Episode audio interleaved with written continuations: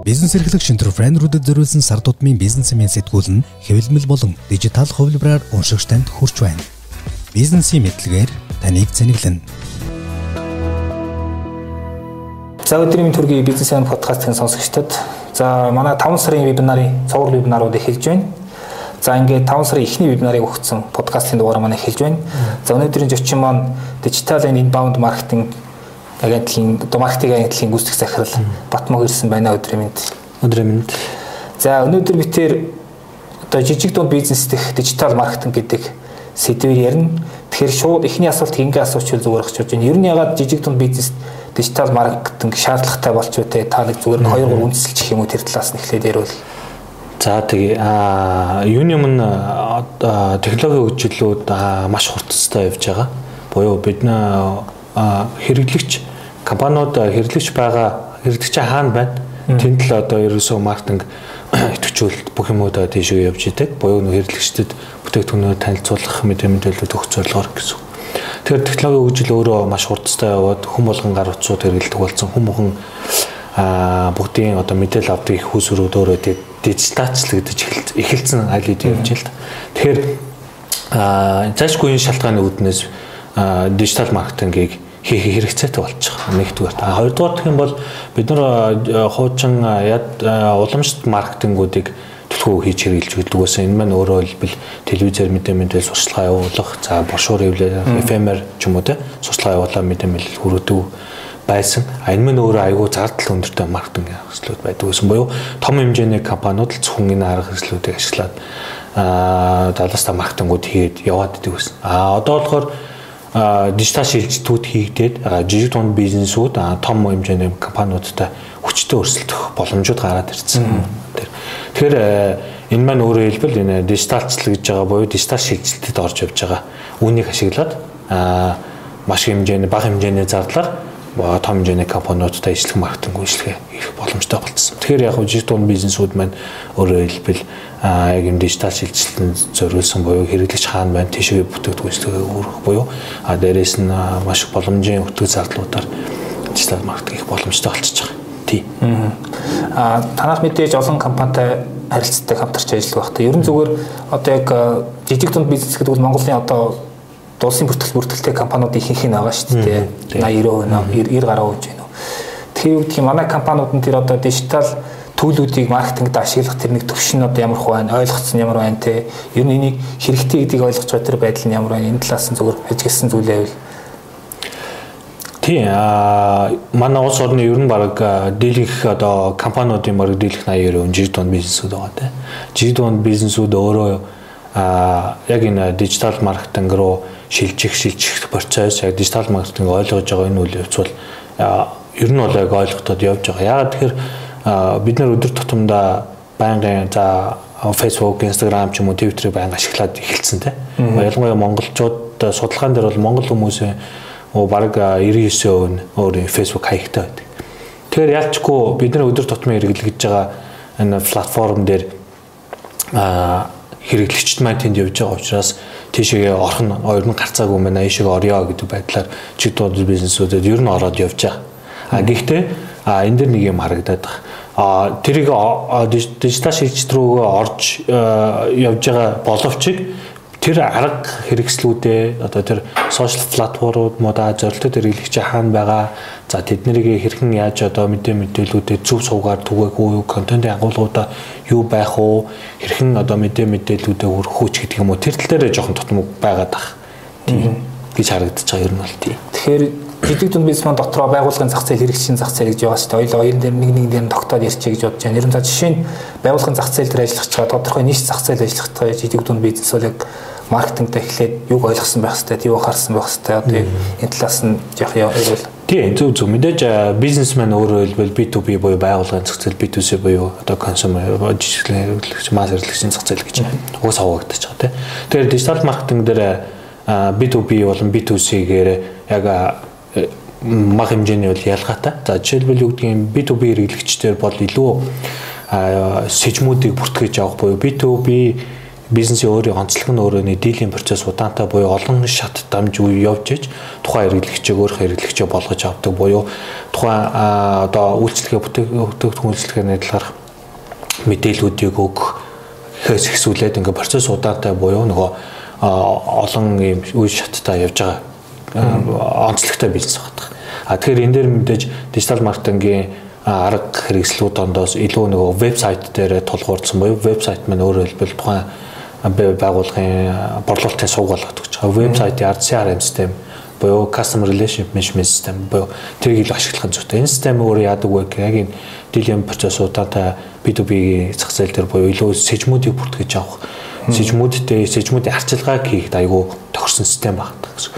За B2C дээр ярих юм бол B2C-г бол ихэвчлэн дижитал маркетингийг бол илүү нөгөө сошиал сувгуудаар контент яаж хэрхэн зөв өргөхөө зорилттой дээр хэлэгчээс хамаарат тий контент агуулгуудаа яаж гаргах уу за дээрэс нь бид үсээ бизнесийн онцлог нь өөрөө хэлбэл брендинг дээр илүү толох уу брендинг тал руугаа илүү одоо хөгжүүлж тусалж явдаг. А яг брэнд тал руугаа гээд ингээ явж байгаа вэ гэхээр брэнд маань өөрөө хэлбэл нэг юм гурван төрлөж хараадах. Би төсөй дээр илүү жоохон тогтоо тэ. А гурван төрөл буюу хувийн брэнд, байгууллагын брэнд, бүтээгдэхүүний брэнд гэж хэлж байгаа. За жишээлбэл одоо а энэ data.com-ийг хотхгүй байна те. Data.com-ийг хотхгүй бол өөрийг брэнд болгоцсон. За хувийн брэнд аягүй хөгжүүлсэн гэдэг юм уу. Тэр хүнийг дагдаг, итгэдэг. За тэр хүнийг role model болгодог хүмүүс маань data.com их хот би одоо data.com гэдэг урд нь авах шиг нь болч те. Их бодлогыг юу ч хийж исэн одоо ямар ч бизнес хийж исэн тэр хүнд итгээд боёо тэр хүнд дээр үйлчлүүлэх тэр хүний бизнес нь оролцоод явах бүрэн тийм ихтгэл өнөмжтэй болцсон. Энэ бол хувийн брэндүүд брэнд үүсгэж байгаа гэсэн. Тэгэхээр жижиг дунд бизнес маань ерөнхийдөө иймэрхүү одоо энэ төрлийн хувь хүний брэнд, компани брэнд, бүтээгдэхүүн брэндүүд аягүй сайн хөгжүүлээд явах нь илүү зүгээр. За компани брэнд гэдэг маань өөрөөр хэлбэл тухайн компани маань өөрөө хэдэн ч төрлийн бүтээгдэхүүнчлэгээ зах зээлээ гаргадаг байж болтой. Тэр брэндээ илүү төлхөө авч явах нь сайн. Буюу жижиг жижиг нэг бүтээгдэхүүн үйлчлэгээ нэг брэнд нь одоо унах ч юм уу те асуудал үүсгэхэд өөр компани брэнд нь цааш хөгжлүүлээ авчдаг. За мэдээж бүтээгдэхүүн үйлчлэгээний брэнд гэж бас яригдаад тавьчихна. А тэр болохоор тус тусдаа нөгөө гарч бүтээгдэхүүн үйлчлэгээнүүд брендинг буюу зорилт сегмент хэрэглэгчтэй хэрхэн тэр брендийг байшин хоногшуулах гэдэг байдлаар илүү тэгээ аваа авчиж байгаа гэсэн үг. Тэгэхээр B2C хэрэглэгчд маань хэвчлэн яг яг юм брендинг дээр илүү ажиллавал А гэхдээ мэдээж дижитал боломжуудыг дижитал шилжилтүүдийг ашиглаад дижитал одоо вебсайт болон CRM систем За одоо чатбот гэдэг те арга хэсэлүүд боломжуудыг бүгд ингэ ашиглаж явах нь илүү зүгээр байна гэсэн үг. А хэрэглэгчийн зах зээл дээр ажиллаж байгаа юу гэдгийг бусад одоо том юм том том брендинг маркетинг хийдэг компаниудтай төстэй бүтээгдэхүүн үйлдвэрлэж байгаа. Жишээ бол нэг юм одоо ааруулыг арай өөр байдлаар савлаад эсвэл яг өөр амт оруулаад ингээд одоо зах зээл дээр гарах гад ингээд тодорхой байр суруулахгүй явж байгаа нэг жижиг дунд бизнес байлаа гэж бодоход тэр бизнесийн үед нь яг юу гэдгийг маркетинг стратеги талаас ч гэдэг юм уу? Ер нь яг зүгээр тэр томуудтай ингээд зэрэгцээд харагдахын тулд ер нь юу анхаарах хэрэгтэй вэ? Энэ дээр танд бодлоо уу? Ааха зү бас их хотгүй нэг э, биччихсэн юм би харсан. Тэрэн дээр юу гэхээр ерөөсө бизнес гэдэг маань нэгдүгээр инновац хоёрдугаар маркетинг юм аа л бус нь яг илүү зүгээр хар үгээр ярьж байгаа бол хар ажил юм аа гэж байгаа. Тэгэхээр эндээс юу ойлгож байна гэхээр нэгдүгürt инновац буюу инновац шингээсэн бүтээгдэхүүн буюу өрсөлдөх чадвартай бүтээгдэхүүнийг гаргаж байгаа. Гаргах хэрэгтэй. Хоёрдугаар энэ дээрээ маркетинг нь аягүй чухал гэж ярьж байгаа. Тэгэхээр жиг тунд бизнесүүд маань өөрийн сайн таны сая хэлсэн жишээн дээр бол ааруулыг илүү өөр хэлбэрээр те одоо юу гэдэг анстаа ааруулж цацгандаа ааруул тийм витаминтэй ийм витаминтэй ааруулж гэдэг юм те илүү уламжлалт байдлаас эсвэл одоо юу гэдгийг хэв загвар нь арай өөрч байдаг юм уу те өнгө дизайн арай өөр за эсвэл ууц цавлага нь арай өөрч юм уу те тиймэрхүү байдлаар гаргаж ирэх нь нэгдүгээр нөгөө нэг том хэмжээний буюу ижил төрлийн өрсөлдөгчөөс ялгарч байгаа нэг хэлбэр буюу инновац гэж. Хоёр дахь юм бол нөгөө саяны яриад байгаа буюу нөгөө том компаниудтай өрсөлдөх боломжууд нь яв гараад ирсэн байгаар дижитал одоо шилжил буюу дижитал маркетинг илүү дижиталчлах буюу а энийг хүмүүс гэхдээ айгүй өөр ойлгоод байж магадгүй дижитал дижитал шилжил гэдэг түрүүнээс яриад байгаа тийм. Тэгээ энэ маань юу юм гэхээр маркетинг гэдэг нэг нэг ойлголт яваад байгаа. Зүгээр энэ маркетингийг дижитал хэлбэр буюу одоо бидний ашигладаг сошиал платформуд болон вебсайт, за CRM буюу 24 цагаар хэрэглэх мэдээлэл өгөх систем, чатбот ч юм уу те энийг ашиглаад мэдээлэл хүргэхэл яриад байгаа дижитал гэдэг яриад байгаа гэсэн. Тэгэхээр энэ арга хэрэгслүүдийг ашиглаад инновац шингээгээд магадгүй контентын агуулга бодлого юмнуудаа зөв гаргаад төлөвлөгөө зөв гаргаад явчихад бол том хэмжээнийхээ буюу өрсөлдөгч компаниудтай өрсөлдөх бүрэн боломжтой. Ялгаагүй л том хэмжээний компаниуд дижитал сувгууд ашиглаад бүтээгдэхүүн үйлчлэгээ хүргээд а жижиг компаниуд ч гэсэн яг адилхан үргээд гол нь юу вэ гэхээр энэ дээр ямар нэгэн байдлаар өндөр ямар нэгэн хэмжээний уламжлалт маркетинг шиг тийм өндөр зардал ерөөсөй гарахгүй. Тэгэхээр өрсөлдөх боломж маш хүчтэй болчихж байгаа гэсэн. Буюу жижиг дунд бизнесүүдийг илүү ниче сегментэд буюу а одоо магадгүй заримдаа нөгөө тонож үлдсэн гэж ярьдаг те сегментэд ажилтдаг гэж харж байгаа боловч тэр тэр хэд маань а энэ маркет дижитал маркетинг арга хэрэгслүүдийг ашиглаад буюу том хэмжээний компаниудтай бүр том хэмжээний компаниудын одоо зах зээл зэгжиж байгаа хэмжээнээс хүртэл гээд бүрэн авах боломжтой болцсон. Буюу а одоо ийм одоо ийм боломжууд ер нь бол байгаа гараад ирсэн. Энийг айгүй бүрэн дүрэн ажиллах ёстой л гэсэн үг. Хэрэгтэй. За одоо маркетингийн нөгөө нэг э, өөрсдөө ингээд хямд төсвөр хийгээд явах уу эсвэл ийм одоо агентлагтай хамт чи гэдэг нэг асуулт байгаад байна. Олон жижиг бид бизнес төр тулгын жишээ нь нэг маа нэг танилын одоо менежерийн ажилладаг компанийн цай үйлдвэрлэдэг зах зээл дээр төстэй 2 3 тийм цай байгаа. А гэхдээ нөгөө нэг одоо локейшнаараа илүү брэнд брэнд чи явж байгаа юм билээ л дээ. Тэгээд нэг э, бас гайгүй тэлж явж байгаа бизнес. Гэхдээ нэлээд том төсөв маркетинг дээр гаргаад нэг нөхрийг яриад ирсэн ажиллаж байгаа байхгүй юу. Тэгэхээр юу гэдгийг ер нь яг яг иймэрхүү нөхцөлд өөрсдөө ингээд хямд төсрөөр хийгээд явхан дээр үү эсвэл зөвхөн одоо өөр хөлсдөд явхан дээр үү гэдэгтэр та зүгээр юу хэлэх үү?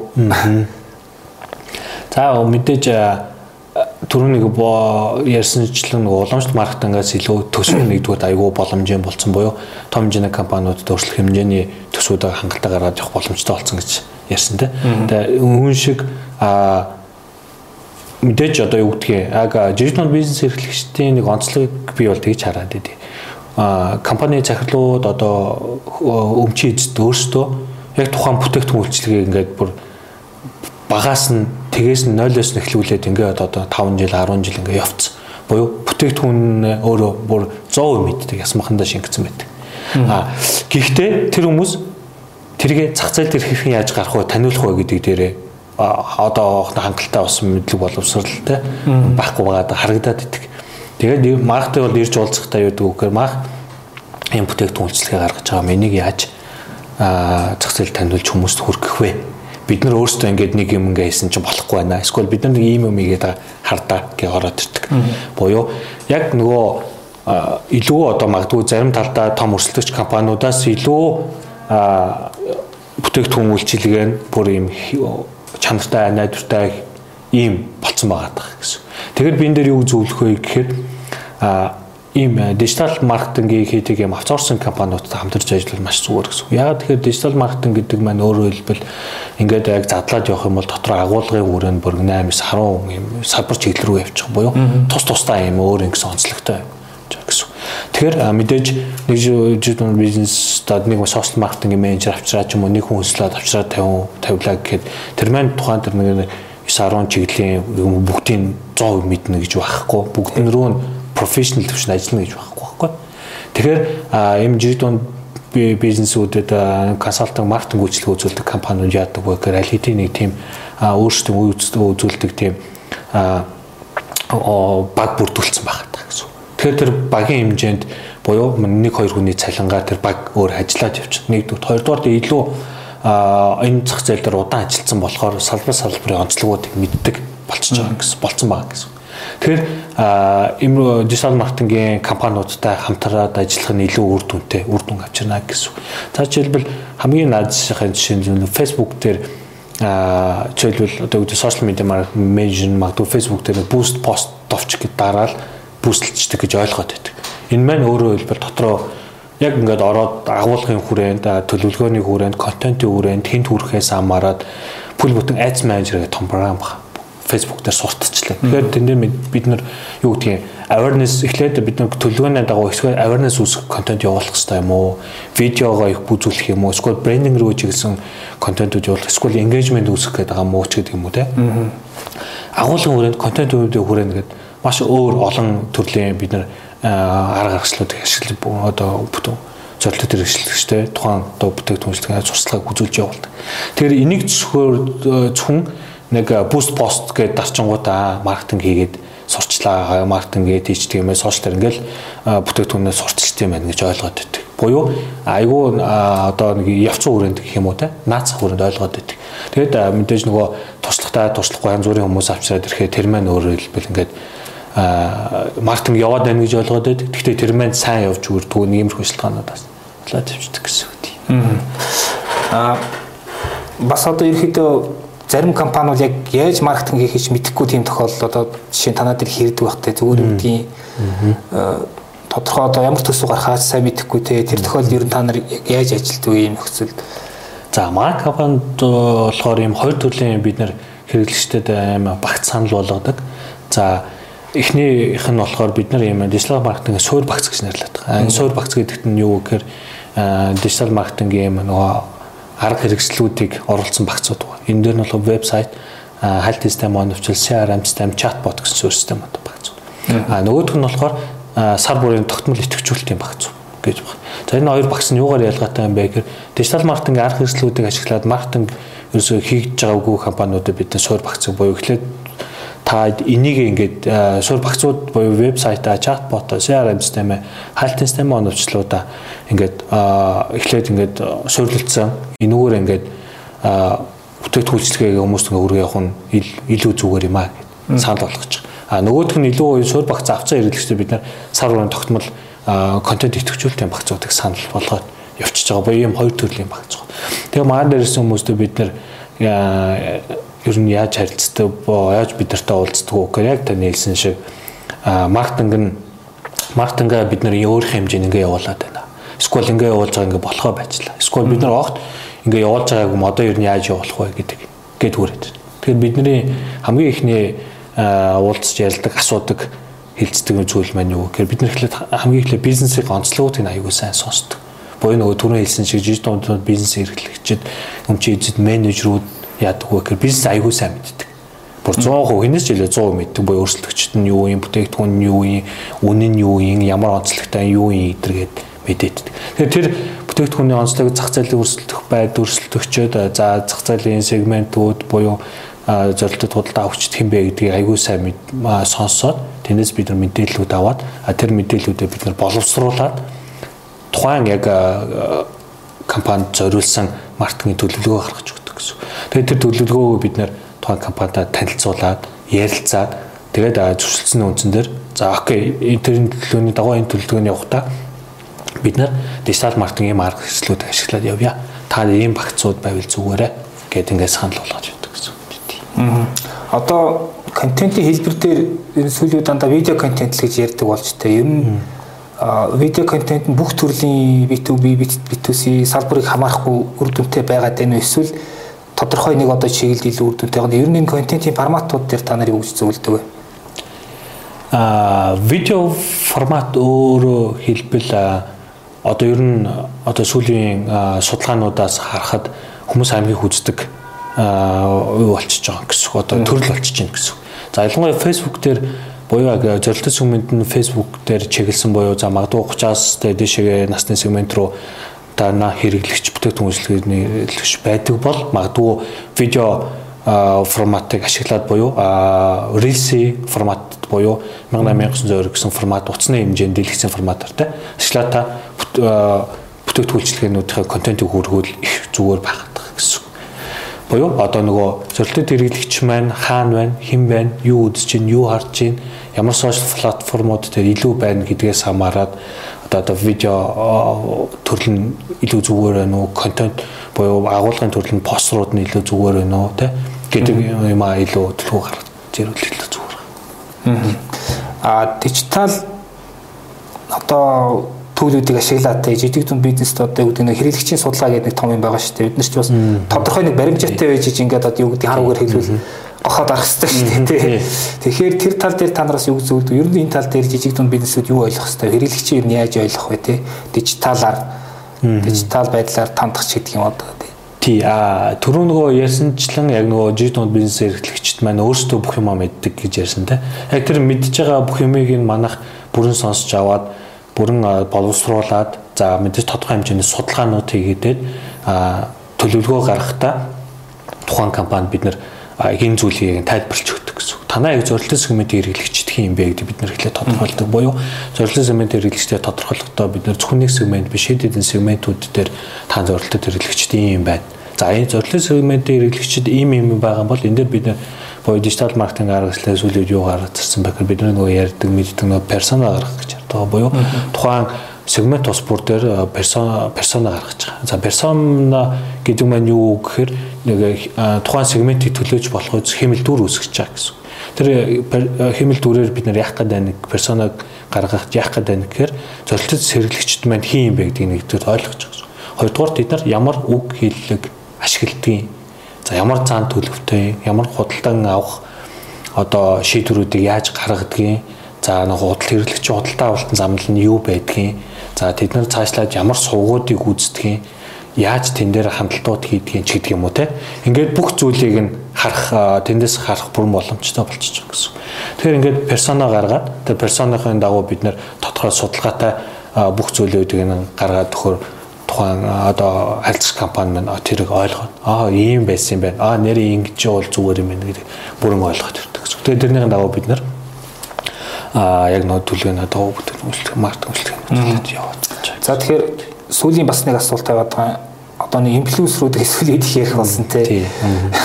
Ер нь яг ямар үед инфлюенсерүүд амгийн одоо оновчтой байж болох уу те. Ер нь яг бас миний зүгээр анзаарснаар ингээд бүхэл юм дээр инфлюенсер ашиглах нь одоо бас хайшаа чинь те. Энэ тал дээр та мэрэгчлэнүүд юу зөвлөх вэ? За яг сүүлийн үеийн судалгаагаар болохоор инфлюенсерүүдийн одоо юу гэдгийг дагагчтай нөлөөлөх нөлөөлөл буюу маркетинг компаниуд инфлюенсерүүдийг ашиглах ашиглал нь илүү нэмэгдэж явж байгаа. За тэр маань нөгөө нэг түрүүний ил ярьдаг бид нар байнгын л мэддэг нөгөө сегментээс л хамаарч байгаа. Сегментээс хамаарж байгаа. Дээрээс нь бизнесийн онцлогуудаас хамаарж байгаа. Жишээлбэл гоо сайхны бүтээгдэхүүн одоо зардаг компаниуд бол инфлюенсерүүдийг ашиглах нь нийтдээ маш үр дүнтэй байх жишээтэй ч юм уу те. За одоо юу гэдгийг өөр одоо үйл хөдлөлийн компаниуд жишээл борлуулагч компаниуд жишээл үйл хөдлөхтэй холбоотой инфлюенсерүүдэд төлөв ашиглаад бас явдаг ч гэдэг юм уу те. А ер нь яг салбар салбартаа танигдсан а яг салбартаа мэрэгжлийн гэж харагдаж байгаа буюу тэрийг хүмүүсийг дагдаг тэр сегмент э, тодорхой хэмжээний их дагагчтай сегмент байна гэж харж байвал тодорхой инфлюенсеруудыг ашиглаад явах нь зөв. Тий.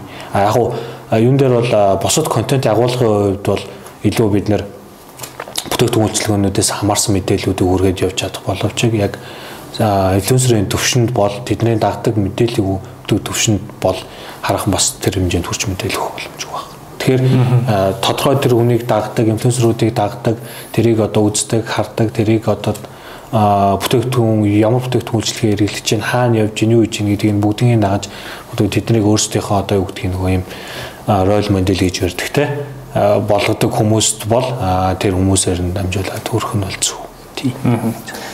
За тэгэхээр бас нэг асуулт асуусан байна. За болгоо шүү дээ. Аа тэгэхээр одоо 5 сарын 16-нд яг энэ сэдвэр өөрөө вебинар орно тийм ээ. Аа тэгэхээр зүгээр тэр вебинар дээр одоо манай суралцагчтай үзэгчдэд заах нэг хоёр гол зүйлийг одоо тий гол чухалчилж ярих хоёр зүйлийн тухай товчоор хэлвэл. За вебинар дээр би ингэж бодож байна буюу жижиг бизнесийг энэ бизнесүүд энэ дижитал маркетинг хэрхэн ашиглах юм бэ буюу яг жижиг дунд бизнес гэхээр дотроо нөгөө байгууллагын зах зээлийн бизнес эрхэлж байгаа хүмүүс байгаа. Би төсөв чиглэлийн бизнес буюу жижигхэн бизнес харилцагчийн бизнес эхэлж байгаа хүмүүс байгаа. Тэгэхээр би яг энэ хоёр дээр тус тус нь ер нь дижитал маркетингийг хэрхэн яг зөв ашиглах юм, яаж ашиглах юм, яаж хэрэглэх юм, яаж хэрэглүүл илүү үр дүнтэй байхын тал дээр ингээд тус тус нь онцлогуудыг гаргаад илүү яриад явуул илүү зүгээр болоо гэж бодож байна. За баярлалаа. За тэгэхээр вебинараар уулзъя тий. Подкастт оролцсонд баярлалаа. За баярлалаа.